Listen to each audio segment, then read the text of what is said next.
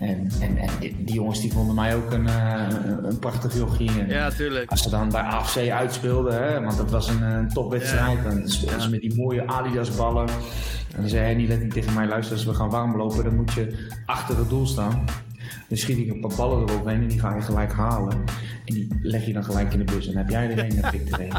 Ah, lekker. Ja, dus elke week stond ik achter het doel van, uh, ja, van de tegenpartij tijdens die warming-up. En dan elke, elke bal die die, die, die pakte ik. En als het een thuiswedstrijd was, hadden ze een, een gesponsorde wedstrijdbal.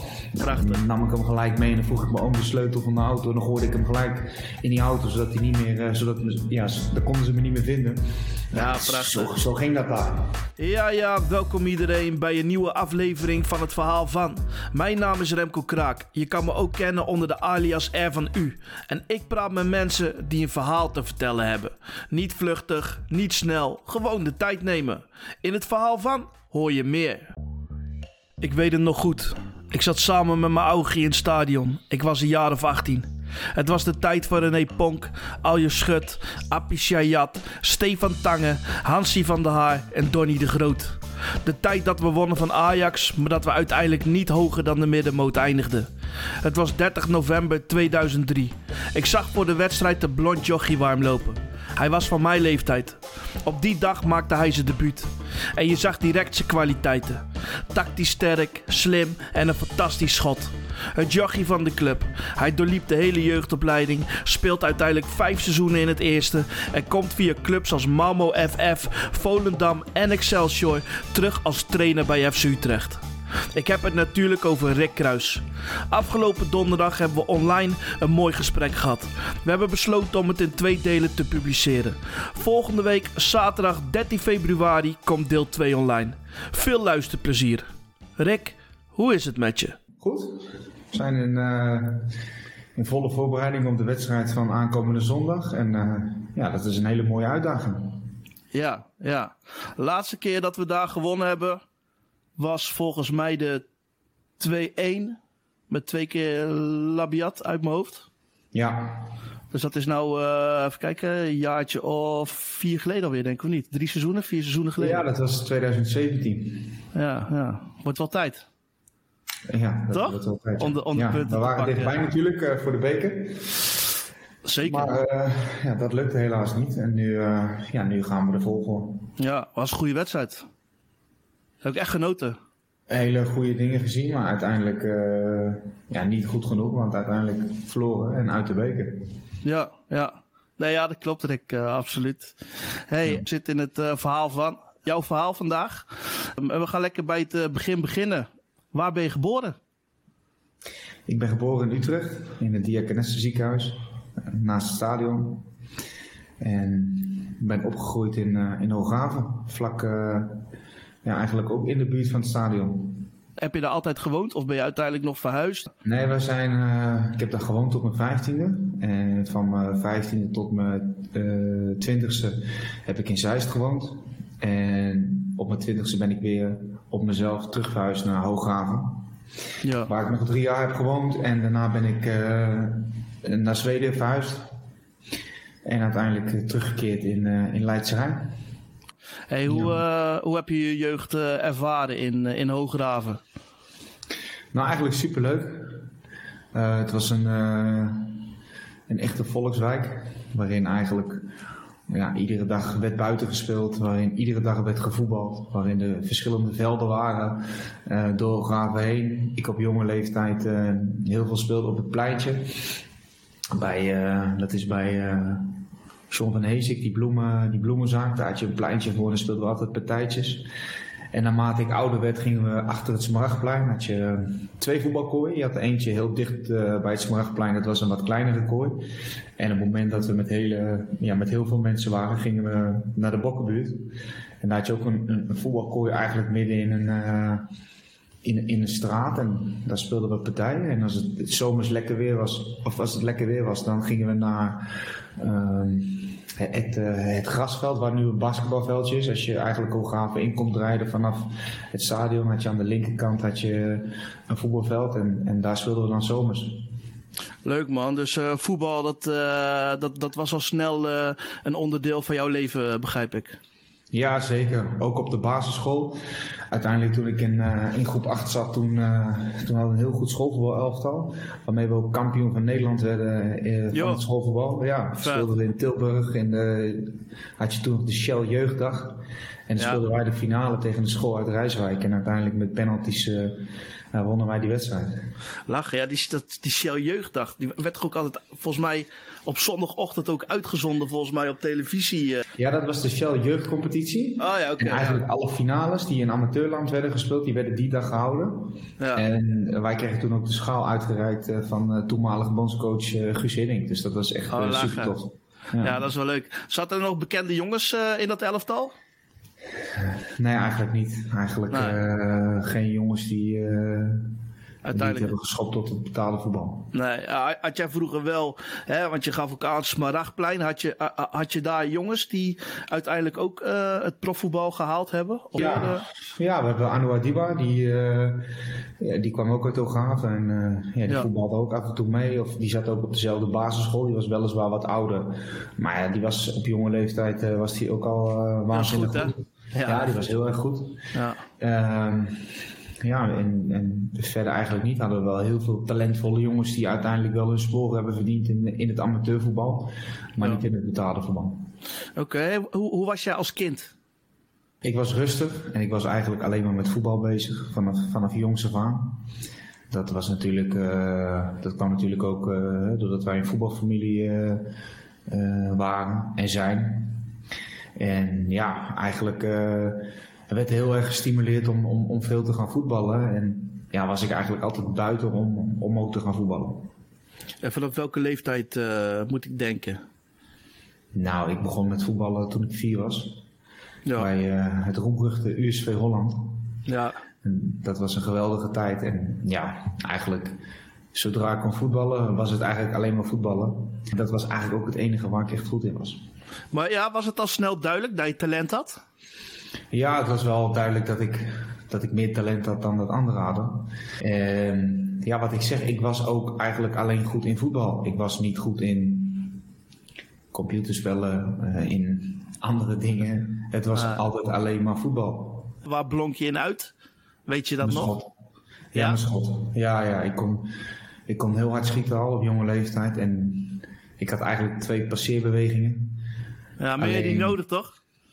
Nee, eigenlijk, Ik, ik, ik, kon je links passeren en ik kon je rechts passeren op jonge ja. leeftijd. Het enige was ja, dat ik niet zo snel was en dat ik ook, toen, ik, toen ik jong was ook uh, ja, wat zwaarder was uh, dan de rest. Okay. Maar goed, uiteindelijk uh, is ook dat goed gekomen. Ja, ja, ja. Hey, je, je vertelde het al, de bekende vader. Was dat om op te groeien met, met een bekende vader? Nou, was leuk. En tenminste, ik heb daar nooit problemen, problemen mee gehad. Uh, mijn vader was destijds trainer bij Holland. En nou ja, ik was eigenlijk het hele weekend was ik bij Holland. Holland was een, uh, een grote club. Het eerste elftal van Holland speelde in de hoofdklasse en deed altijd mee uh, voor, het, voor het kampioenschap. En het was ook altijd heel druk bij, uh, bij Holland. En ik voetbalde daar op zaterdag en zaterdag was je daar de hele dag. En op zondag was je mee met het eerste elftal. En ja, dat, dat, dat was een schitterende tijd. En wat voor rol heeft je uh, vader gespeeld in je jeugd? Ging hij veel met je, met je voetballen? Ja, ja, we gingen. Ik, ik was zelf heel vaak gewoon uh, buiten aan het voetballen. Maar, maar ging ook vaak mee om, om, om te trainen en om, uh, om op het schoolplein om, om te werken aan mijn schot, om te werken aan mijn bewegingen. En nou, dat, daar, daar heb ik wel veel profijt van gehad. Ja, is, is hij ook je trainer geweest in de jeugd? Uh, ja, tuurlijk. Kijk, hij trainde ook een tijd uh, bij Holland. Trainde hij uh, op woensdagmiddag alle jeugdelftallen. Nou ja, dat deed ik, hè, voordat hij trainer werd van het eerste. En toen, ja, dan deed ik gewoon eigenlijk bij iedereen mee. En deed ik, ja. was ik gewoon ook de hele dag aan het trainen. En overal waar hij trainde, trainde ik mee. Ja, tof. Hey, je, je, ja, je, je gaf aan, je bent op vierjarige leeftijd uh, ben je begonnen bij, uh, bij Holland. Uh, wat, wat, kan je nog iets herinneren van die begintijd? Nou, ik kan me van Holland best wel nog veel herinneren, omdat Holland was een super, een super warme club. Met, met mensen die, ja, die altijd voor elkaar klaar stonden. En ja, waar, Kijk, ik, ik, was natuurlijk nog een jonge jongen. Alleen ik zag wel dat vooral rondom het eerste elftal dingen gewoon heel goed geregeld waren. En dat ja, er ook fantastisch goede spelers liepen. En Holland was een club waar als het goed ging alles kon. En als het wat minder ging, dat dan ook snel uh, uh, ja, de, de, paniek uitbrak. Of hè, dat, dat, dat de ja. sfeer ineens kon omslaan. Ja. Alleen ja, dat was, dat, dat was toen mijn thuis. En hè, mijn vader ja. was daar trainen en, en, en hartstikke druk. En ik ging gewoon mee. En ik, moest, ik was de hele dag zelf bezig met, me, met mijn eigen vrienden. En wij waren alleen maar aan het voetballen. En wij waren alleen maar, als ze dan speelden, waren we aan het kijken. En we liepen door ze heen tijdens de warming-up. En we gingen mee met de bus met uitwedstrijden. En ja, we hebben schitterende avonturen beleefd als, als, als kinderen daar.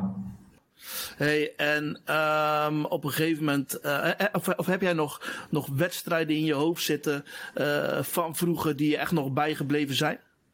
Bij, bij Holland? Ja, want je bent uiteindelijk wel naar Elinkwijk gegaan, hè? Ja, ik ben, uh, nou ja, goed, kijk, van mezelf ik, ik, ik, wist, ik had gewoon een hele leuke tijd omdat het allemaal hartstikke toffe gasten waren met, uh, met wie ik speelde. Ja. Alleen op het moment dat ik bij Holland speelde, uh, kwam ik ook in beeld bij, uh, bij de KNVB, bij het regio-elftal destijds. Hoe oud was je toen, Rick? Ik was toen tien. Oké. Okay, ja. Ik was tien, ik kwam in aanraking met het regio en zij adviseerde mij om eigenlijk naar Elinkwijk te gaan, omdat Elinkwijk op dat moment op een hoger niveau voetbalde. En daarbij werd ik gescout door PSV. En PSV zei van, joh, het is goed als je, als je gaat, uh, gaat spelen bij Elinkwijk, omdat je dan onder de hoogste weerstand komt te spelen. Ja, zodoende is dat eigenlijk gegaan. En wat ik me van het eerste elftal herinner is dat ze ja, een geweldig elftal hadden met spelers als Henny Letting, Edwin Krinos, Rick Teslamuta, uh, Mustafa Talla, Pascal de Bruin waren echt voor, amateur, voor amateurbegrippen geweldige spelers. Gert van Hanegem vergeet ik nog. En dat zij structureel meededen ja, om de titel. En dat is ik als kleine jongen, hè, omdat mijn vader trainer was. Ja. Uh, ook bij de bespreking kon zijn en kon luisteren naar ja, ja, ja. hoe hij uitleg gaf aan die gasten van hè, uh, wat te doen tijdens, tijdens de wedstrijden, hè, zowel uit als thuis. En en, en, en die, die, jongens die vonden mij ook een, uh, een prachtig jochie. En ja, tuurlijk. Als ze dan bij AFC uitspeelden, hè, want dat was een, een topwedstrijd. Ja. Dan speelden ze met die mooie Adidas ballen. En dan zei hij niet tegen mij, luister, als we gaan warmlopen, dan moet je achter het doel staan. Dan schiet ik een paar ballen eroverheen en die ga je gelijk halen. En die leg je dan gelijk in de bus. En dan heb jij er een en ik er een. Ah, lekker. Ja, dus ja. elke week stond ik achter het doel van, uh, ja, hè, van de tegenpartij tijdens die warming-up. En dan elke, elke bal die open ging, die, die, die pakte ik. En als het een thuiswedstrijd was, hadden ze een, een gesponsorde wedstrijdbal. Prachtig. Dan nam ik hem gelijk mee en dan vroeg ik mijn oom de sleutel van de auto. En dan gooide ik hem gelijk in die auto, zodat hij niet meer, uh, zodat, ja, dan konden ze me niet meer vinden. Ja, prachtig. Zo, zo ging dat daar. Ja, maar dat zijn, dat zijn de mooie dingen. Dat zijn ook dingen die je onthoudt natuurlijk. Ja, precies. Dat zijn van die, van die pareltjes. Uh... Ja, hey, op nee, een gegeven moment... een geweldige tijd. Ja, nee, kan ik me voorstellen. Hey, op een gegeven moment word je gescout uh, door FC Utrecht. Uh, ja. weet, jij, weet jij daar, daar nog wat van? Hoe dat, hoe dat ging? Ja, ik werd, er kwam een brief op de mat dat ik, werd gescout door, dat ik was gescout en dat ik een testwedstrijd moest spelen. En eigenlijk na één wedstrijd, uh, één wedstrijd had ik gespeeld en ik was op het pleintje aan het voetballen. En terwijl ik aan het voetballen was op het pleintje, was mijn moeder ineens op het pleintje. En mijn okay. moeder, die kwam nooit op het pleintje, want het was wel een stukje lopen. En, en die had haar eigenlijk, ja, die, die, die kwam daar niet uh, voor niks. Dus zei ik, uh, maar, maar wat doe je hier? Ja, ik heb telefoon gehad van FC Utrecht dat je bent aangenomen. Nou, dat was ja, een super moment. En ja, toen ja. was ik ja, gewoon, hoe moet ik het zeggen, enorm blij. Dat was wat ik heel graag wilde en uh, ja, dat, dat was gelukt. En ze zei me dat we een week later een, uh, een gesprek hadden op het stadion met, uh, met Wout Smit en Henk Vonk. En okay. ja, dan zouden ze me alles uitleggen. Hoe oud was je toen? Ik was elf. Ja, mooi hè? Ja. Ja, dat zijn, ja, dat vergeet je nooit meer. Ja, nee, dat vergeet je nooit meer. Nee. Hey, wat, uh, je, hebt, uh, je hebt dus de, nou, ik kan wel zeggen, bijna de hele, uh, de hele academie of de jeugdopleiding doorlopen.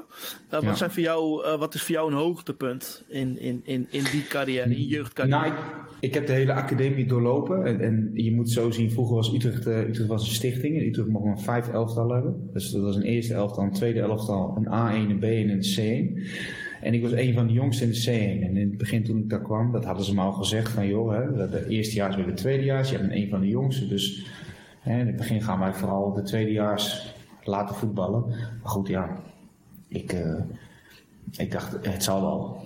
Maar in het begin was dat best wel moeilijk, omdat ik moest ik, ik, ik moest vechten voor mijn plek. En uh, uiteindelijk waren ze allemaal wat groter en wat sterker, dus dat was best wel moeilijk. Maar eigenlijk na een jaar kwam ik daar doorheen. En uh, ja, heb een paar schitterende jaren gehad. Eerst in de, in de, in de C1 met John Vink, waarin we echt een heel goed team hadden en waarin we heel veel grote toernooien speelden die we ook vaak, uh, vaak wonnen. Daarna in de, in de B1 hadden we een heel uh, jong team met allemaal eerstejaars B-spelers die, uh, die in de landelijke competitie hele lange tijd bovenaan stonden. En ja, we gewoon echt heel, veel, heel, heel goed voetbal speelden ook. Allemaal met, met, met Utrechtse jongens die allemaal het ook heel tof vonden om voor Utrecht te spelen. Ook nog jongens die, het, die het uiteindelijk ook gehaald hebben? Het eerste? Nou ja, we, ja, we hebben, hè, Michel Vorm heeft het uh, gehaald. Uh, ik, ik, ik was vaak ook iemand die uh, met de oudere lichting allemaal mocht meedoen. Dus hè, je had Michel Vorm daar, je had Edson Braafheid, je had uh, Apishayat. Uh, ja. Dat waren op, op dat moment een beetje de, hè, de, de, de, jongens die het uiteindelijk uh, gered hebben. Ja. ja en, en, zo hebben we hartstikke mooie wedstrijden gespeeld. En toen al in de jeugd hè, tegen Ajax. Op het scherms van de snede Ajax toen met, uh, met, met Snijden en met, met, met allemaal toptalenten. Daniel de Ridder. En dat, ja, dat waren hartstikke mooie wedstrijden. Maar was dat, was dat haat en nijd of viel dat wel mee? Nou, met Wesley niet, omdat Wesley... Kijk, Wesley was gewoon vreselijk goed al in de jeugd ook. En nou, Wesley was wel Ajax. Maar Wesley had wel gewoon Utrechtse roots. En daar, ja. daar, liep, hij, uh, daar liep hij ook nooit voor weg. Uh. Nee, maar nee, het, ja, het, ging, het, het, ging er wel op. Ja, ja, ook op jonge leeftijd werd ons al uh, duidelijk gemaakt van... Hé jongens, hè? dit ja. zijn wel de potjes, nu moet je er wel staan. Als jij de, ja, je hebt de hele jeugdopleiding doorlopen... Uh, nou, je zit nou ook in de organisatie, dus je hebt nou ook een goede kijk op, uh, op de academie. Uh, zie, ja. jij, zie, zie jij hele erge verschillen? Nou, er zijn wel enorme verschillen. Omdat, kijk, je moet je voorstellen, toen ik bij, bij Utrecht kwam, in de C1 was Henk Vonk was de trainer. En Henk Vonk heeft ons heel veel geleerd, maar Henk Vonk was ook, was ook keihard tegen ons. Henk Vonk ja. leerde ons wel uh, wat topsport inhield. Dus als jij uh, één minuut te laat was uh, voor een wedstrijd, dan speelde je niet. Dat was je helemaal niet gewend. Want ja, je, je was afhankelijk van hoe laat je vader of je moeder je bracht. je zei ja. dat je er kwart over moest zijn. En uiteindelijk kwam je kwart over. En niemand die jou vertelde, joh, het is misschien beter dat je er gewoon om, om tien uur bent in plaats van kwart over tien. Dan ben je altijd te laat. Toen we in de kleedkamer zaten voor de wedstrijd, als we gingen warmlopen, dan checkte hij die schoenen. En op het moment dat die schoenen niet gepoetst waren, toen stond je er ook naast. En, en dat klinkt best wel heel hard. Ja. Maar uiteindelijk leer je wel hè, wat, het, uh, wat het profvoetbal inhoudt. En kijk, nu is het, hè, zijn er veel, heb je een veel grotere begeleidingsstaf op zo'n jeugdelftal.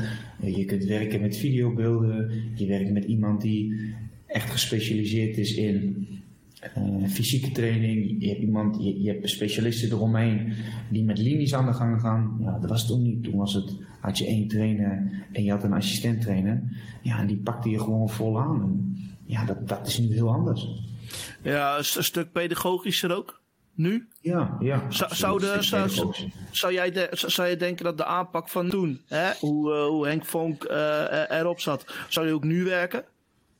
Nou, dat, natuurlijk zou het ook gewoon werken, omdat hè, hij, hij had uh, gewoon kwali zijn, kwaliteit om ons uh, beter te maken. Alleen, kijk, nu hebben we te maken met een andere generatie. Een generatie die, die ja. heel erg beïnvloed wordt door hè, social media. Die is opgegroeid met een iPad, die is opgegroeid met, met met PlayStation waar ze vanuit huis met al hun vrienden kunnen, kunnen spelen.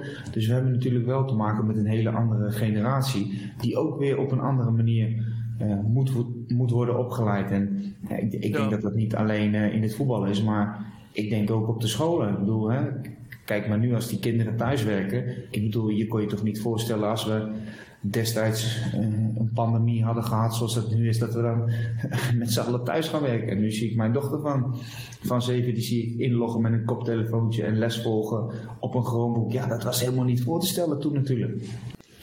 Nee, dat klopt. Uh, tijden zijn, uh, tijden zijn zeker, zeker veranderd, ja. De jeugdopleiding, die heb je doorlopen. En op een gegeven moment wordt er gezegd van... Rick Kruis, je mag meetrainen met, met de selectie. Ja. Kan, kan je dat moment nog herinneren? Ja, ik, ik was toen van, uh, ik was nog A1 speler. En als A1 speler uh, trainde ik en speelde ik al bij, uh, bij het tweede heette dat toen. Hè, wat nu Jong Utrecht is, was het tweede elftal toen. En, en daar speelde ik. En dan speelden we vaak op de maandagavond. Nou, dat ging eigenlijk behoorlijk goed. ja, tot ik opeens telefoon kreeg van, hey, je moet er s ochtends, je moet er vroeg zijn, want je traint met het eerste elftal mee. Ja, dat was dat was super natuurlijk, weet je. Dan ben je zenuwachtig en dan denk je van, oh, morgen mag ik met de eerste elftal meetrainen. Met spelers die je eigenlijk alleen maar of van televisie kent of vanuit het stadion waar je altijd, uh, waar je altijd naar gaat kijken. En dat was een uh, bijzondere ervaring. Ja, en ik denk ook wel gewoon uh, een. je, kijk, je, je, geeft eigenlijk geef je hele leven voor om te slagen uiteindelijk bij, bij FC Utrecht. En uh, dan is het natuurlijk fantastisch als je uiteindelijk ook echt die kans krijgt. Want hoeveel jongens hè, uh, geven ook een, een, een, een, leven en halen het uiteindelijk niet. Dus het is echt, echt heel bijzonder wat je, wat je dan meemaakt. Dan ga je meetrainen. Hoe lang duurde het voor, voordat je je debuut maakte? Nou, dat duurde best wel een tijdje. Want ik, ik, ik begon mee te trainen een beetje na de voorbereiding richting, uh, richting begin competitie. Toen mocht ik een paar keer meetrainen. En nou, al snel werd dat vaker. En op een gegeven moment ga je vast meetrainen. Maar uiteindelijk heb ik denk ik een keer of 7, 8 op de bank gezeten voordat ik daadwerkelijk mijn eerste minuut heb gemaakt in de eerste helft. Ja, was dat moeilijk? Om op de bank te zitten? Ja, dat was. Nou ja, op de bank zitten is, is, is altijd moeilijk natuurlijk, omdat hè, je, je bereidt je helemaal voor om een wedstrijd te spelen. En als je uiteindelijk dan niet in actie komt, dan, uh, ja, dan is dat natuurlijk best moeilijk voor elke speler. Ja. Alleen je moet er wel elke keer voor zorgen dat je klaar bent op het moment dat je nodig bent. Omdat je, ja, je weet dat je, je moet een bijdrage leveren aan het team. Ja. Maar je wordt ook beoordeeld. Ja. Dus iedere keer moet je, ja, moet je er klaar voor zijn. En zeker als je weet van oké, okay, ik ga mijn debuut maken. Ja, dan komt het debuut tegen Roda. Ja. Ja. Wat, uh, wat, wat ging er door je? Ja, goed, kijk, dat was eigenlijk een hele gekke situatie. Want uh, uh, we hadden een Europa Cup wedstrijd gespeeld op, op donderdag tegen Auxerre. En ja. tijdens die trip waren er heel veel spelers waren, waren ziek geworden. Ik denk dat we ongeveer 8, 9 man hadden die niet konden spelen omdat ze, ja, omdat ze griep hadden. Dus uiteindelijk waren de club had zelfs uitstel aangevraagd van deze wedstrijd, omdat er zoveel zieken waren. Maar uiteindelijk lukte het om 11 spelers op de been te brengen met drie wissels. Ik was wissel, Leen van Steensel was wissel en Adnan Alasic waren de drie mensen die niet speelden. Ja. En ik weet nog goed dat vlak na de rust, uh, toenmalig trainer Foucault mij het signaal gaf om, uh, om warm te lopen.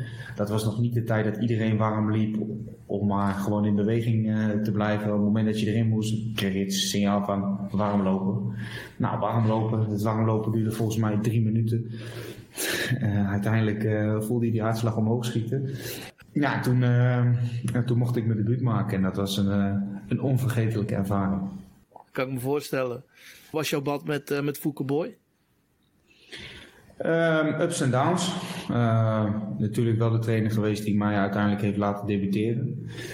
Maar ook de trainer uh, was ook de trainer die uiteindelijk uh, mij hele grote periodes niet gebruikt heeft of de voorkeur aan anderen gaf. En ja, dus weet je, uiteindelijk hè, uh, no hard feelings verder. Maar in sommige gevallen, als ik daarop terugkijk, hè, ligt in eerste instantie bij mijzelf.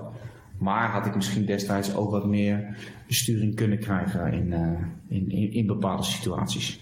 In welke situaties? Nou, kijk, als je zeg maar, een jonge jongen bent, dan komt er op het moment dat je gaat spelen, komt er heel veel op je af. En eigenlijk, uh, ik maakte mijn debuut. Maar goed, dat, dat, jaar, datzelfde seizoen deed ik het uh, met veel invalbeurten. En uh, hebben we hele mooie dingen bereikt. Onder andere de heroïsche halve finale tegen Sparta, de 3-3. Ja, waarin ik ook speelde en nog een van de belangrijke penalties nam. En eigenlijk dit jaar daarna kwamen er hè, wat nieuwe aankopen en moest ik uh, geduld hebben. En eigenlijk op het moment uh, dat ik zeg maar, mezelf in de kijker speelde, hè, onder andere ook door die goal. Maar ze zullen het vast nog over hebben, de goal. Maar na de winterstop hè, heb ik eigenlijk alles in de basis gespeeld. Dat seizoen werd opgevolgd door een, of tenminste, dat, dat werd verlengd voor mij met een WK, WK onder 20 hier in Nederland. En dat was een geweldig toernooi, waarin ik zelf ook een goede prestatie leverde. Maar eigenlijk terug bij Utrecht kwam ik op de bank terecht. En nou, daar heb ik het best moeilijk mee gehad. En uh, ja in, in, in, dat stukje, in dat proces, heb ik zelf dingen laten liggen. Maar denk ja. ik dat, laat, dat hè, uiteindelijk de begeleiding mij misschien ook beter had kunnen helpen toen de tijd om, om mezelf beter te kunnen ontwikkelen. Nee, duidelijk verhaal. Je maakte je debuut. Uh, wat ik net al zei, weet je, ik kan me heel goed voorstellen dat als je daar zo naartoe groeit, uh, dat, dat, dat dat enorm bijzonder is. Uh, je bent in Utrecht geboren en, en getogen. Wat betekent de club FC Utrecht voor jou? Nou, die betekent voor mij heel veel.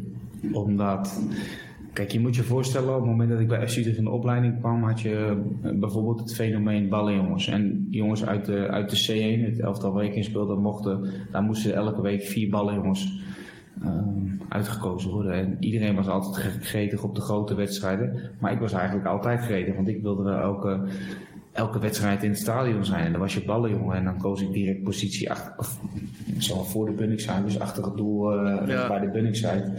Ja, en weet je, dat was nog, dat was nog voor de verbouwing. En als je dan, als dan de, de opkomst van de spelers was en je hoorde Ajax de Tijger. Nou ja, ik als jongen van 11, 12, dan, dan liep het echt kippenvel over je rug heen. Ja. Weet je wel, en als dan het publiek zich begon te roeren, dan, dan was er zo'n enorme sfeer in het stadion. En dat, ja, dat vond ik gewoon geweldig. En hè, als je bij Utrecht speelde, had je twee seizoenkaarten op de marathontribune. Iedere week, uh, iedere week zat ik daar. En iedere week uh, vroeg ik uh, spelers die niet gingen om een seizoenkaart, zodat ik hem vrienden mee kon nemen en, en, en, die wedstrijden kon gaan kijken. En wat zijn er spelers waar jij echt tegenop keek? Jean-Paul Jong, dat was echt dat was echt een Utrecht speler. Die altijd alles gaf en, en, en en los van dat hij natuurlijk eh, hard werkte of zo kwam dat natuurlijk over, had hij natuurlijk ook een hele grote bijdrage in het, in het team. Ja, en mijn favoriete speler was altijd Michael Mols. Ja, wij zijn, uh, wij zijn van dezelfde generatie. Dus wij, uh, wij hebben dezelfde spelers natuurlijk zien voetballen. Hè, voor mij ook. Michael Mols, dat is natuurlijk. Uh, daarvoor ging je echt het stadion. Ja, Michael Mols, Michael Mols was top. die, die, die, kwam je, die zag je ook wel eens, die was heel erg down to earth ook. Uh, ja. Ik vond DJ Martel ook een geweldige ja, speler man, om te niet zien. Normaal, niet DJ normaal. Martel was, uh, was, was geweldig. Ja, ja, ja. ja. Uh, wie hebben we nog meer gehad? Ja, ik vond bijvoorbeeld, ik kon ook genieten van John O'Brien met zijn linkerbeen ja, op het middenveld. serieus hè?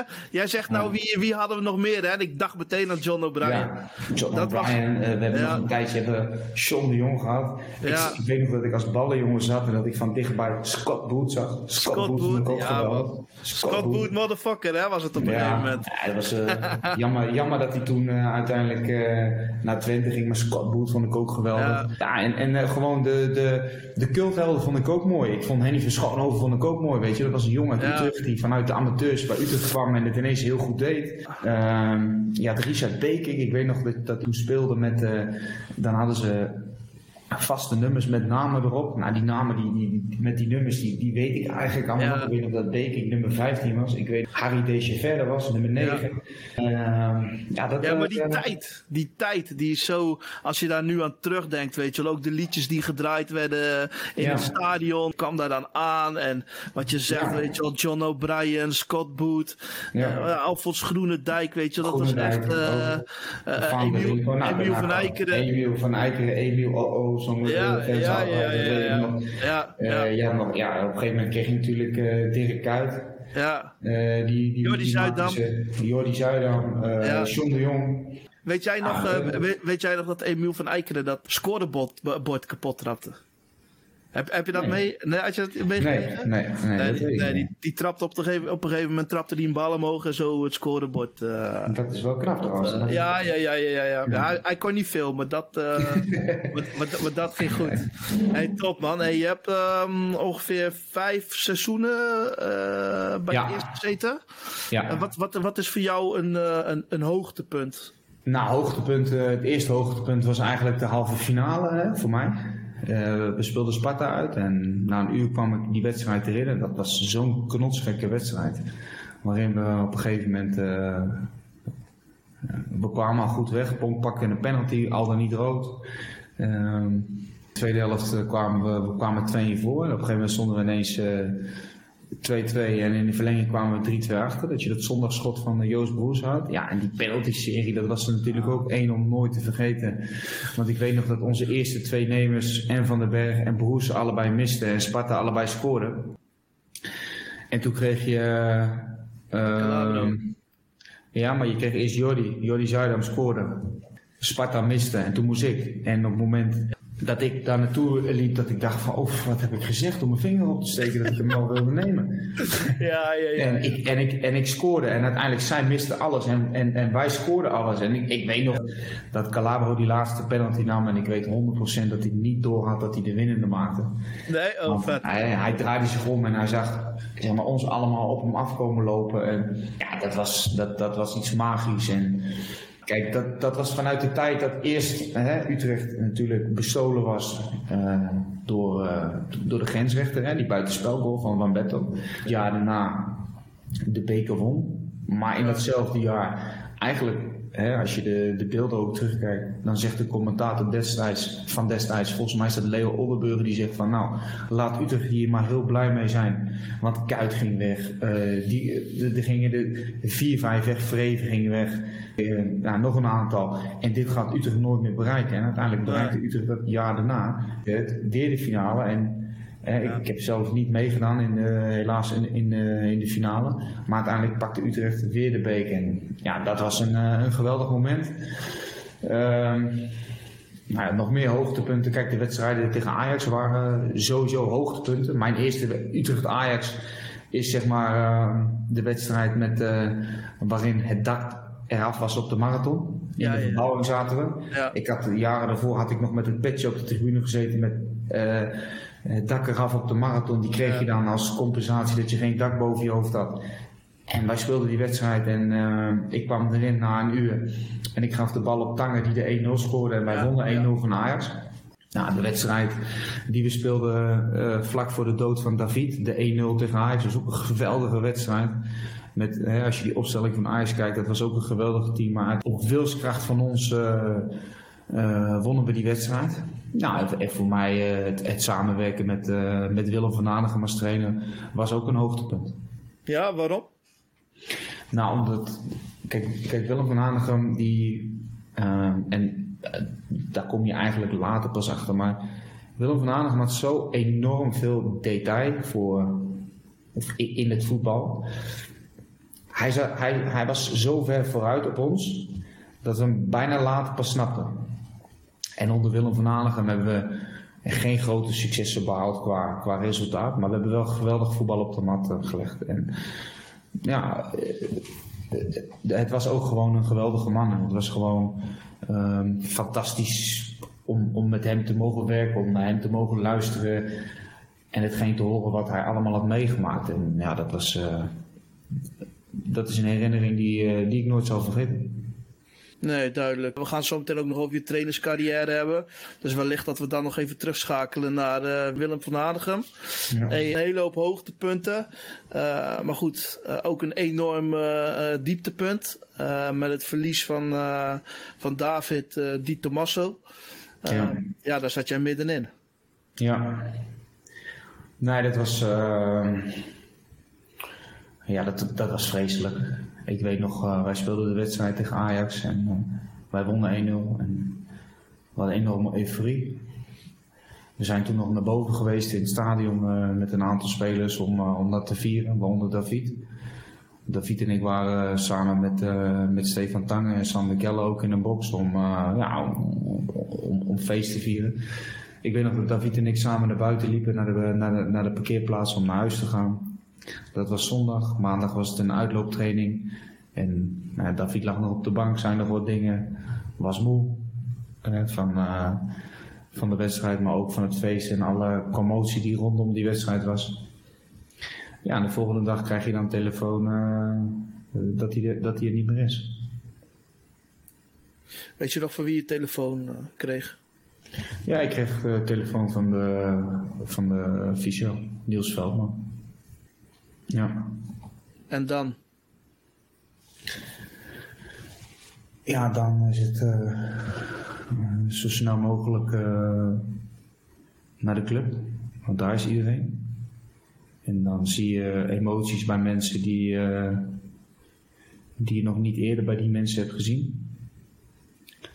Dan komen er ook gelijk heel veel vragen. Vragen van hoe, hoe, hoe dat kan en, en, wat er nou precies is gebeurd. En, en ja, hoe het nou mogelijk is dat dat, dat zoiets kan gebeuren. Ja, en dan, dan moet je ergens, moet je al heel snel verder, maar uh, je weet met z'n allen eigenlijk niet hoe. En dan, dan volgt een herdenking.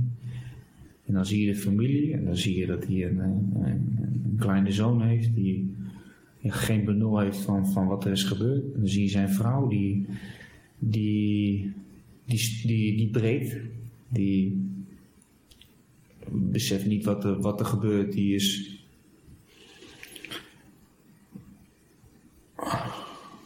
Ik krijg er nog best moeilijk van als ik daarover Ik ook, ik ook man. Ik ook. Het is, het, het dan zie je gewoon zoveel verdriet en dan zie je ook wat voor impact iemand die eigenlijk nog niet zo heel lang bij ons is, heeft gehad. Op ons allemaal, niet op ons, maar ook bij de fans. En dan zie je ook wel hoe Utrecht is. Want Utrecht kan natuurlijk uh, cynisch zijn en, en hard zijn. Maar Utrecht kan je ook in de armen sluiten. En uh, Utrecht kan ook één zijn. En dat, dat was een moment dat Utrecht één was. Ja, spelers, uh, supporters, medewerkers van de club alles kwam, alles kwam samen. En wat je zegt, ik, ik weet niet hoe het komt, weet je, maar het heeft zo'n diepe wond achtergelaten. Nu nog steeds. Weet je, ja. met, met, met wie je ook praat over FC Utrecht. heel vaak komt Dito, komt, het, het, het, het komt voorbij, weet je, omdat het ja. zo, zoveel indruk gemaakt heeft. En, en ja, en, en ja, je zit het te vertellen. Ik heb hier een, de, de, ja, moet wel zeggen, traantje, traantje wegpinken. Nou ben ik wel een janker ja. toch? Dus uh, nee, maar dit is, uh, ja, dit, uh, dit blijven we altijd bij ons dragen. En dan kende jij hem ook nog eens persoonlijk. Zeker, maar het is natuurlijk wel heel fijn hoe, het, hoe het contact tussen, tussen, zijn, tussen zijn vrouw en, en, en, en, met zijn kind is. En zij komen elk jaar hier nog naartoe. En ja. hoe zij elk jaar worden ontvangen door de club, dat ja, ook dat is natuurlijk FC Utrecht. Ja, laten we dat lekker. Uh, ja, die traditie gewoon, gewoon voortzetten.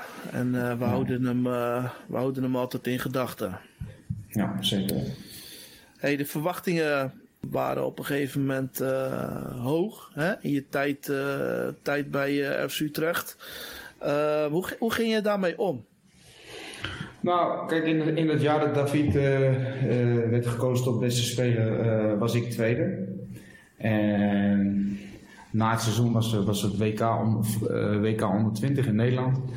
Voor spelers tot en met 20 jaar, het, hè, waar, waar, Messi aan, aan ook aan meedeed. En waarin ik basisspeler was van de Nederlandse ploeg, onder andere met, iedereen zal hem nog herinneren, Quincy. Ehm, ja, dat was eigenlijk voor mij een heel goed toernooi. En toen kwam ik eigenlijk uh, terug bij Utrecht. En de verwachtingen waren enorm. En iedereen had zich op het netvlies de goal die ik maakte, bijvoorbeeld tegen, tegen mijn vader, maar ook bijvoorbeeld de goal die ik maakte tijdens het, uh, tijdens het WK, wat werd uh, gekozen als mooiste doelpunt van het toernooi. Ja. Nou, en toen ik terugkwam, toen, ehm, ja, toen lukte dat, eh, dat, dat lukte allemaal niet helemaal lekker met me. Ik zat er niet helemaal lekker in. Ik had uh, ja, niet de vorm uh, die ik toen had. En mm, ja, ik, ik kon me daar best wel moeilijk, uh, moeilijk overheen zetten. En ik had moeite om mijn vorm te hervinden. Er was ook bovendien waren ook wat nieuwe spelers bij de club die ook vaak de voorkeur kregen. En ja. ik had moeite om daarmee om te gaan. En uiteindelijk ja, heeft dat best wel een tijd geduurd voordat ik voordat ik mijn plek weer terugkreeg, maar ook voordat ik weer mijn goede vorm kon hervinden. Maar is dat nou, is dat nou, nou profvoetbal? Dat het telkens. Uh, uh, het, het, gras is niet altijd groener bij de buren, weet je wel. Uh, er worden altijd nieuwe, nieuwe jongens gehaald, wat dan weer ten koste gaat van. Of jongens uit eigen opleiding. of jongens die al bij, bij FC Utrecht voetballen. Nou ja, toen, toen ging dat om jou. Um, ja, dat zit toch wel uh, de ontwikkeling uh, in de weg van, uh, in, in dit geval van jou op dat moment. Nou, maar goed, kijk, natuurlijk zit, zat het mijn ontwikkeling in de weg. Alleen, kijk, elke wedstrijd die je speelt, wat je daarvoor hebt gedaan, telt eigenlijk niet. Je wordt gewoon beoordeeld. En, het, en ja. de trainer die kiest gewoon het elftal waar, waar, hij, waar hij van denkt dat hij de meeste kans heeft op, op winst. En uiteindelijk, ja, paste ik daar niet in. En kijk, de, de manier waarop ik daar zelf mee omging en was ook niet altijd de goede manier. Ik had ook misschien uh, in plaats van gefrustreerd kunnen zijn, uh, meer kunnen gaan trainen of nog meer kunnen gaan werken aan de punten die, uh, die ik moest verbeteren. Maar goed, ja, ik, ik, ik raakte daar op dat moment gewoon gefrustreerd van. En weet je, ik, ik had het gevoel van, nou, ik kom eraan en ik ben bezig met, met een traject om uiteindelijk hè, te exploderen, om, om te kunnen laten zien wat ik kan. Maar ja, dat dat ging vaak niet. Uh, en dat lukte ook uh, uh, af en toe niet. Ben je daarom vertrokken naar Malmö? Nou goed, dat, dat, dat, waren periodes en uiteindelijk ehm, heb ik ook heel veel periodes wel gespeeld en heel veel ook mooie, mooie dingen meegemaakt en over een langere termijn uh, basisspeler geweest. Alleen ja, toen ik ja, zeker. in mijn laatste seizoen voelde van, nou ja goed, hè, richting einde seizoen speelde ik ook weinig. Toen had ik wel zoiets van, joh, het is nu wel, nu wel tijd voor mezelf, voor mij als voetballer, om ergens anders te gaan kijken, om mezelf weer verder te ontwikkelen. En dat was ook eigenlijk uh, uh, de reden waarom ik naar Malmö ben vertrokken. Nee, ik denk ook dat je, dat je heel waardevol bent geweest in die periode voor, uh, voor FC Utrecht. Uh, op zich een mooie stap naar, uh, naar Malmö. Je wordt ook kampioen. ja, je gaat naar, je gaat naar Zweden toe. je hebt altijd in Nederland gewoond. lijkt me heel gek. Ja, was ook heel gek. En eigenlijk was dat. kijk, je moet het zo zien: Malmö had een bot op mij gedaan en Utrecht had een bot geaccepteerd. En uiteindelijk ben ik daar gaan kijken, ben ik daar twee dagen geweest. En nou, dat voelde allemaal hartstikke goed. En het was een prachtige stad en een prachtige club. En nou, je moet je voorstellen dat we nu zo zitten en drie dagen later uh, zit je ineens in Zweden en woon je ineens in Zweden. En, ja. en zit je in, in het begin in een hotel en daarna uh, ja, zit je in een appartement en waarin je op bent gegroeid in Utrecht. En alles en iedereen kent in Utrecht en dicht bij je familie, dicht bij je ouders bent. Ben je nu ineens 900 eh, kilometer verderop. Dus dat was best wel wennen in het begin. En uh, als je in een ander land komt, dan, dan zijn daar natuurlijk een aantal andere gebruiken. En, en, en, wordt er ook op een andere manier gevoetbald. En daarbij was het ook zo dat op het moment dat ik daarheen ging, wij in Nederland eigenlijk gingen starten met de voorbereiding voor het nieuwe seizoen. En zij zaten midden in het seizoen. En ja, in het begin liep ik wel wat, tegen wat problemen op. Hè? Ook omdat uh, ja, ik best wel moeite had met, uh, met, met fitheid. Ik was hartstikke fit. Gewoon normaal fit om te trainen. Maar ik had natuurlijk al een lange tijd geen wedstrijden gevoetbald. En zij zaten in het midden van het seizoen en ik kwam eigenlijk net aan om te beginnen. We hadden met Utrecht één training uh, gedaan. Dat was ook nog eens zo'n training op Zoudenballen waar publiek bij was. Dus dat eerste half jaar had ik, tenminste die eerste vier maanden had ik voor mezelf uitgetrokken om, uh, nou, om gewoon te wennen. Ik had voor 4,5 jaar getekend, joh, hè, leer alles kennen, ga een beetje, ga proberen de taal onder de knie te krijgen, ga kijken hoe, de, hoe alles loopt en dan, uh, dan zien we verder. En nou, de, het eerste waar ik tegenaan liep eigenlijk, en het klinkt heel gek, maar dat, daar, daar krijg je wel mee te maken. Ik kwam uit Utrecht en als wij Groningen uitspeelden, was dat oud best ver voor mij.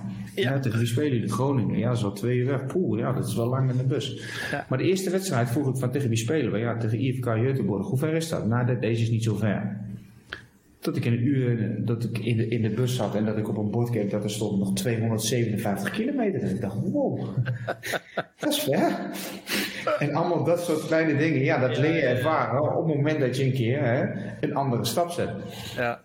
En dat, dat gebeurde daar. En uiteindelijk hè, heb ik ook daar mijn draai gevonden. Uh, heb ik wel wat pech gehad met, uh, met blessureleed. Maar uiteindelijk heb ik daar echt een, een geweldige tijd gehad. En heb ik me heel goed kunnen, heb ik kunnen ontwikkelen als voetballer. Maar heb ik me ook heel goed kunnen ontwikkelen als mens. Omdat ja, de dingen die, die je daar moet regelen, die moet je zelf oplossen. Niemand gaat je helpen. Natuurlijk zijn er mensen van de club die je gaan helpen. Maar uiteindelijk moet je het wel allemaal zelf doen. En moet je zelf je draai vinden. En, en, en leer je wel jezelf kennen als mensen. Hey, hoe heb je je daar als voetballer ontwikkeld? Goed. Um, zij spelen op een iets andere manier. Zij, zij, spelen wat fysieker, ze spelen wat gedisciplineerder. En nou, dat was wel wat ik nodig had toen. En uiteindelijk uh, is Malmo echt wel een, een grote club. Uh, we waren de wedstrijden die wij thuis speelden. Dus daar zaten 24.000 mensen. De club had een enorme boost met het openen van het nieuwe stadion. Ja, het was het was gewoon geweldig om daar, uh, om daar onderdeel van te zijn. En, en ook om, om, om te ervaren hoe het is om ergens uh, kampioen te worden. Om, om, om te ervaren hoe een elftal zich uiteindelijk en naar succes, uh, zichzelf naar succes leidt. Dat, dat was gewoon een hele mooie ervaring. Ja, wat je zegt ook vooral als mens, ook hoe je hoe je, je ontwikkelt dan. Hè, je, moet alles, uh, je moet alles zelf doen, uh, niemand, niemand gaat het voor je doen. Dus nee. al, al, met al een mooie, mooie ervaring geweest. Ja, had, had, je het willen missen? Absoluut niet. Nee, top, super. Na twee seizoenen kom je terug uh, naar Nederland. Kom je bij, uh, bij Volendam uh, terecht. Je vader was daar trainer. Ja. Hoe was dat om terug te komen in Nederland en om onder je vader te trainen? enerzijds super tof, anderzijds ook best moeilijk. Ja, waar zat dat dan in? Dat het moeilijk was? Nou goed, kijk, mijn vader is natuurlijk een type trainer die, uh, die, uh, die hard is. Die niet schroomt om je de volle laag te geven. Die uh, ja, nergens wat wil laten liggen en gewoon keihard is op het moment dat dingen niet uh, goed gaan. Nou ja, dat, dat, dat zorgt natuurlijk wel eens voor ontevreden gezichten of hè, jongens die, die daar wat van vinden. En daar zat ik middenin. En ik wist niet beter. En, en, en zo, zo, ben ik opgevoed en, en, dat is ook een beetje de Utrechtse mentaliteit natuurlijk. En op welke, op, welke manier was die hard? Nou ja, gewoon op het moment dat dingen niet, uh, niet gingen zoals, zoals hij wilde, kon hij je gewoon de volle laag geven. Zoals hij mij ook wel eens heeft gegeven. Nou, er waren natuurlijk een aantal jongens die daar, uh, die daar minder mee om konden gaan. En hè, dat, dat, dat komt dan in zo'n kleedkamer, maar in die kleedkamer zat ik ook. Ja. Nou, dat, en dat was best wel eens lastig, ja. Want hoe hou je je daarin dan? Want ik kan me ook voorstellen dat, uh, uh, dat sommige jongens misschien niet hun mening gaven als, als, als jij erbij zat. Of werkte dat zo niet? Nee, dat, dat werkte wel zo. En Volendam kun je eigenlijk opsplitsen in twee delen. Het ene deel was, was, was heel succesvol. Speelden we play-offs en waren we dichtbij om uiteindelijk uh, de stap te maken naar de Eredivisie. Hadden we mooie wedstrijden met VVV. Maar uiteindelijk aan het eind van de rit werd die werd hij ontslagen. En is, is daar toen een heel gesprek geweest waar ik uiteindelijk niet bij ben geweest. En waarin ik uiteindelijk ja, een, een rare situatie natuurlijk uh, door mijn vader op de hoogte werd gebracht uh, dat hij ontslagen was. Mm. En dat ik een uur daarna werd gebeld door de, de technisch manager om te melden dat de trainer was ontslagen. Maar ja, dat wist ik al lang. Ja. En ja, hoe, hoe ga je daarmee om dan op zo'n moment? Ben jij toen weggegaan ook? Nee, ik ben gebleven. Ik heb het seizoen okay. gewoon netjes afgemaakt, omdat ik gewoon in dienst was uh, als speler. En, uh, en mijn vader er ook op stond dat ik dat gewoon deed. Ik was verhuurd. Ik was, ik, ik was op de huurbasis staan. Okay. En ik heb het uiteindelijk gewoon netjes afgemaakt, omdat uh, ja, ik altijd wel uh, omdat ik niet te veel in de emotie zit en hè, ik, ik was gewoon speler. En ik heb gewoon mijn werk gedaan en ik heb dat altijd uh, op een zo goed mogelijke manier proberen te doen. ook, ook voor FC Volendam. Hey, daarna ben je naar Excelsior gegaan. Hoe, hoe, was je tijd bij Excelsior? Want ik had wel het idee dat je daar wel, wel wat, wat geluk gevonden had, toch? Het was wel een goede, Ja, Excelsior was een hele mooie tijd. Excelsior was eigenlijk vanaf het begin aan een hele warme club. En bij Excelsior heb ik me eigenlijk vanaf uh, minuut 1 heel erg op mijn gemak gevoeld. Uh, ja, de, de, de, mensen uit Rotterdam uh, die kunnen volgens mij ook wel vaak goed met Utrechters. En Excelsior is, is, is gewoon een hele familiaire club.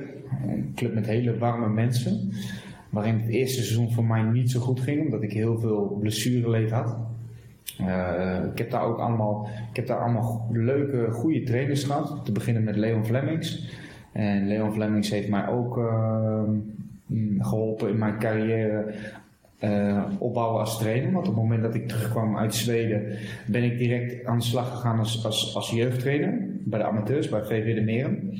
Ik heb toen in de tijd van Volendam ook mijn, uh, mijn papieren gehaald, uh, TC2 en TC3. En eigenlijk ben ik daar, daarna doorgegaan, ook toen ik bij Excelsior speelde. Nou, aan het einde van het seizoen ging Flemings weg. Werd Jondaal Thomasson trainer, momenteel trainer van, hoe toevallig, maar Mammo FF. En die is een half jaar trainer bij ons geweest. En toen was eigenlijk het, het grappige, op het moment dat Jondaal Thomasson trainer was van uh, van Excelsior van mij, van mij als speler. Toen was ik assistent trainer en trainer van het eerste elftal van de Meren en trainer van de B1 van, uh, van VV de Meren. Die speelde op derde divisieniveau. En in de winterstop werd, ging Jonas Thomasson die ging naar Roda en werd Marinus, waar ik zijn assistent bij de Meren was, werd ineens trainer van mij bij Excelsior. Dus het was natuurlijk de vraag van hoe gaat dat zich verhouden en kunnen we op diezelfde voet verder gaan zoals we eigenlijk uh, een, een, proces bij, de, bij VV de Meren in gang hadden gezet. Maar eigenlijk ging het heel goed en uiteindelijk uh, in het half jaar dat Marines het overnam, toen uh, promoveerden we ook naar de Eredivisie. En hadden we echt een, ehm, een hartstikke leuk team met, met, met allemaal jongens die Ehm, die de drijf hadden om, hè, er was met iedereen wat. Hè. Bijvoorbeeld, ik was een groot talent bij Utrecht, maar uiteindelijk speelde ik in de, in de Jupiler League bij Excelsior. Uh, je had Sander Fischer, die wilde graag wat laten zien. We hadden als spits Lars Veldwijk, die ook graag een stap wilde maken. We hadden Adil Awazar, die, die ja. toen bekend was van Feyenoord, maar die ook hongerig was om, om wat te laten zien. We hadden mijn regiogenoot, eh, met wie ik altijd uh, samen naar de club reed, Kevin van Diemen uit Spakenburg. Oh, ja, ja, ja. die, ja. Dus we hadden eigenlijk allemaal gasten die heel erg uh, goed met elkaar konden. En uiteindelijk allemaal dezelfde drive hadden om hè, weer het hoogste niveau uh, te bereiken. En, en, en, dat lukte toen onder aanvoering van uh, Marines. Ja, dat was een geweldige tijd. En daarna hebben we nog uh, twee jaar hebben we ons gehandhaafd in de, in, de, in de Eredivisie op een goede manier. Met, met herkenbaar voetbal en, en met allemaal jongens die zich ja, die zich op een geweldige manier lieten zien voor het team. En ja, dat, dat was gewoon een hele leuke tijd. Was een, leuk, uh, was een leuke elftal inderdaad, ja. Maar Excelsior ja, was een leuke, uh, leuke club. We hadden leuke spelers. We hadden middenveld met mij, met Luigi Bruins, met Awazar, met Stans. We hadden op de flank hadden we Botaka. Ja. We hadden voorin als spits hadden Tom, Botaka, van, Tom ja. van Weert. Botaka hadden we, we hadden Tom van Weert. Hadden, eh, op de flank hadden we Bas Kuipers en, eh, en uh, Khalid Karami. We hadden op het doel hadden we uh, Gino Coutinho en we hadden Alessandro Dama, die nu nog steeds is. En die, van wie ik eerst zijn trainer was bij VV de Meren, maar later mijn ploeggenoot werd bij, ja. bij Excelsior. Dus dat, ja, mooi. Ja, dat was gewoon een hele leuke tijd. Ja, hey, dan sluit je op relatief jonge leeftijd. Ja, ik denk toch wel verrassend je carrière af. Ja. Wat is de reden dat je niet nog een paar jaar door bent gegaan? Nou, dat de reden is eigenlijk heel simpel. Dat is dat ik verder wilde gaan in het trainersvak. Ik was natuurlijk al een aantal jaren jeugdtrainer. Ik heb de onder 13 gehad, ik heb de onder 14 gehad bij, bij de Meren. Ik heb de onder 17 gehad, ik heb de beloftes gehad. Ik ben assistent eh, geweest bij het, uh, bij het eerste elftal. Ik heb daarin heel veel, heel veel uren gemaakt, mezelf heel erg goed kunnen ontwikkelen. En ja, kijk, op een gegeven moment voelde ik van, oké, ik sta nu op een kruispunt of ik ga zeg maar, op deze voet verder. Want eigenlijk kon ik nog prima mee bij Excelsior. Was ik enorm gewaardeerd. Ik ben zelfs in mijn laatste jaar dat ik speelde, ben ik nog speler van het jaar geworden. Maar mijn gevoel, mijn gevoel zei dat ik moest gaan voor, voor, voor het trainersvak. En, Ja. en daarbij had ik gedurende mijn laatste seizoen bij Excelsior eigenlijk voor de winterstop al eh, contact gehad met Utrecht. Ik had contact gehad met Jordi Zuidam, die ik kende van de Meren, omdat hij daar eh, een jaar gevoetbald had bij ons. Hij combineerde dat ook met zijn werkzaamheden bij FC Utrecht. En nou, uiteindelijk de afweging gemaakt. En nogmaals, met de club gesproken. Ze hebben mij een heel duidelijk plan voorgeschoteld waar ik me heel goed in kon vinden. Ja. En uiteindelijk heb ik de beslissing gemaakt om nog één jaar bij de Meren eh, te gaan voetballen als zijnde van afbouwen. Maar voor mij was het geen afbouwen, want ik was nog steeds hongerig om, eh, om uiteindelijk de ambities die de Meren had, om die waar te maken. En dat combineerde ik dan met mijn werkzaamheden bij FC Utrecht. Maar je komt bij Excelsior, had je gewoon op dezelfde voet verder kunnen gaan. Ik had bij Excelsior gewoon op dezelfde voet verder kunnen gaan. En uiteindelijk had ik nog zelfs een paar aanbiedingen om, eh, om ergens anders te kunnen blijven voetballen. Alleen, nou ja, wat, ik, wat ik in het begin van het gesprek al aangaf, mijn, mijn ambitie, mijn drive, mijn, mijn honger om trainer te worden in hetgeen wat ik eigenlijk in mijn hele leven heb meegemaakt. Al vanaf Ja. de jongste af aan bij mijn vader, dat ik hè, eh, bij de besprekingen bij Holland zat. Later bij, bij AGVV, op het moment dat hij trainer werd, eerst eh, in het betaalde voetbal bij Cambuur, dat ik al die wedstrijden ging volgen en dat ik gewoon heel erg geïnteresseerd was in, in, in het trainerschap. En, en op het moment dat ik al die jeugdelftallen langs eh, ging, voelde ik ook bij mezelf dat ik steeds beter werd in hetgeen eh, wat ik aan het doen was. En dat daar mijn ambitie lag en dat, daar, dat ik daar ongelooflijk veel, Ja, daar ben je gewoon veel op. goede prikkels van kreeg. Ja, daar ben je gewoon op eh, voor jouzelf het eh, juiste moment gewoon ingestart Ja. met, met een mooi verhaal. Ja. En ehm, nee, duidelijk, duidelijk. Hey, eventjes over vriendschappen in de, in, in de voetballerij. Ik had er met, met Willem Jansen ook over. Leent de voetballerij zich voor, voor hechte vriendschappen? Ja, zeker weten. Ja? Heb, Ja. heb jij vrienden in de voetballerij? Ik heb wel vrienden in de voetballerij. ja. Wie zijn dat? Nou ja, kijk, vanaf jongs af aan eh, eh, is dat natuurlijk Michel Vorm. Michel Vorm en ik hebben jarenlang in de, in de opleiding gezeten. En, en ja, we hadden gewoon een hele goede klik. En, eh, we waren jonge jongens. En als we dan met de bus moesten vanaf het Centraal Station naar Utrecht toe. Of, en hij naar Nieuwegein en ik naar, eh, naar Zeist of naar Hooghaven. Dan, eh, als een van de twee geld had, dan uh, trakteerden we elkaar op het station bij de Ja, ja. bij de nood Albert Heijn op een, uh, een, een, een, pakje melk of een broodje of wat dan ook. Ja, en gedurende mijn, uh, mijn tijd bij, uh, bij het eerste elftal, Sander Keller, die kwam daar ook bij. En kijk, dat was ook een tijd dat je als ploeg zijnde veel meer met elkaar deed. Kijk, nu is het, het is een andere tijd, het is een andere generatie waar we het net al over hadden.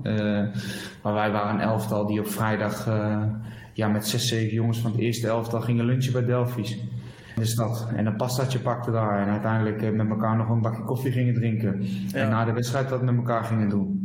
En ja, hoe dat nu, kijk, nu is dat volgens mij een stuk minder. En nou, ik zit nu in de rol als trainer. En als ze dat wel doen, dan hè, hoef ik dat ook natuurlijk niet allemaal te weten.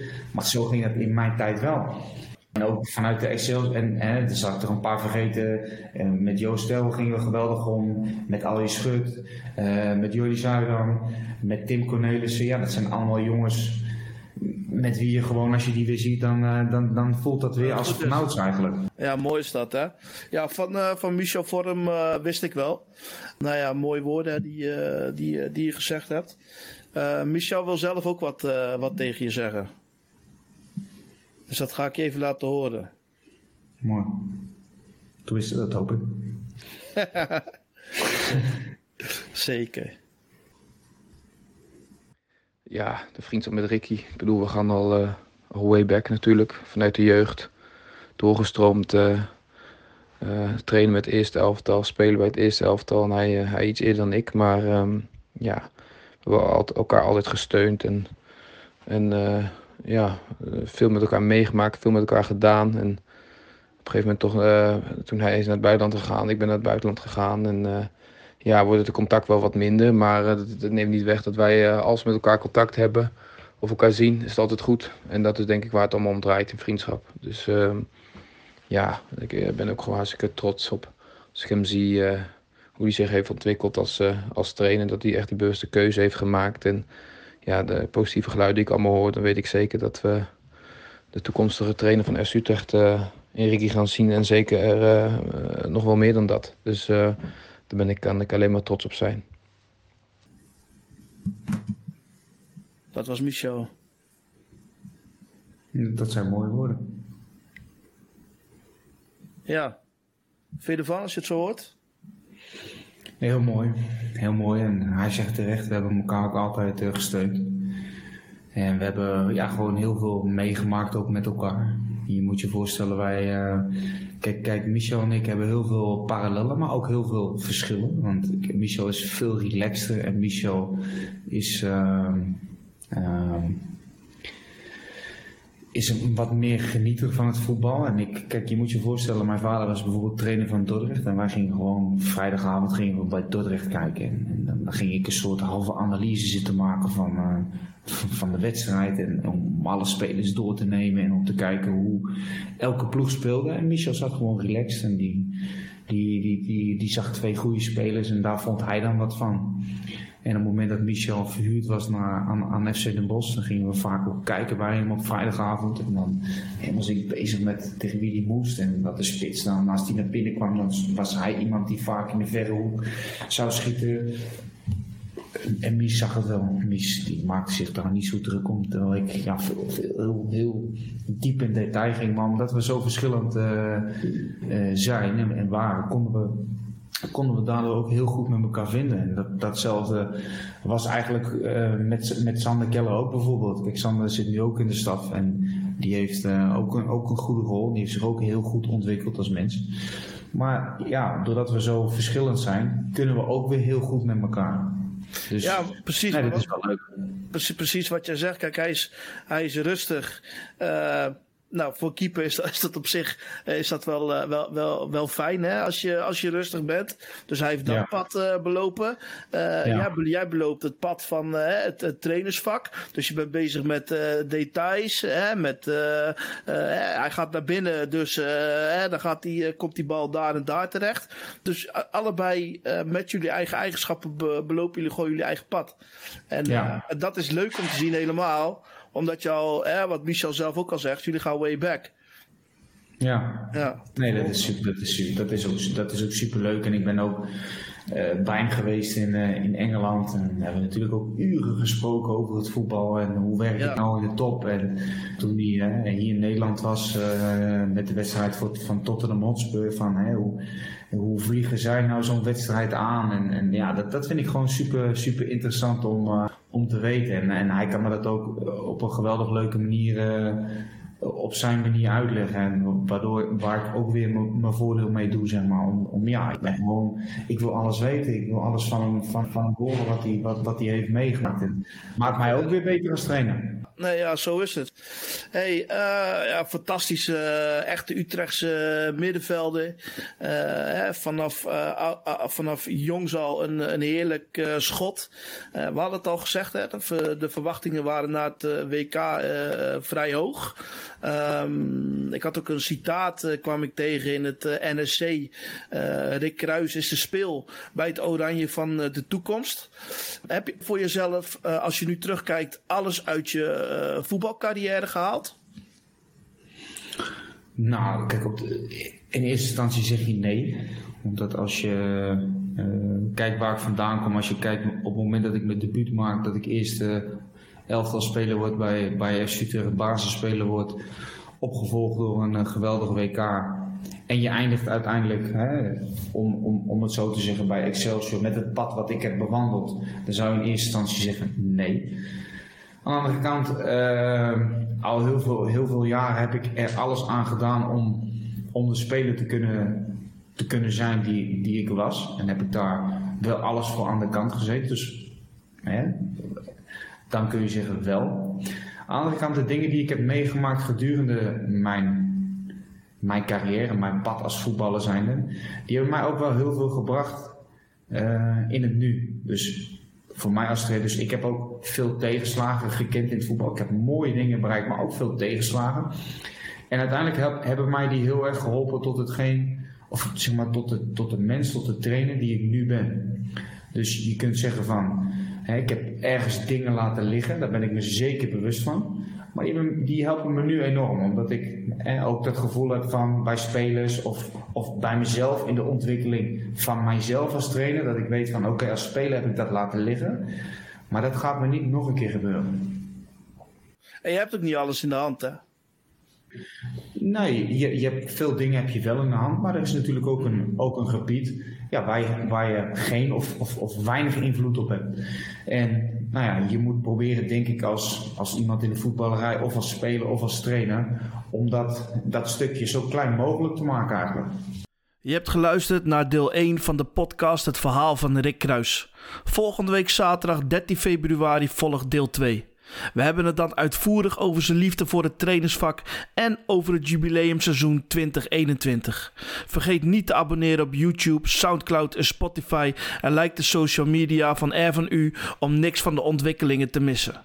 Oh ja, nog even over aankomende zondag 7 februari. Ehm, heel, heel, even kort vooruitblikken uh, naar zondag. Ajax. Is goed. Wat gaan we doen? We gaan voor de winst.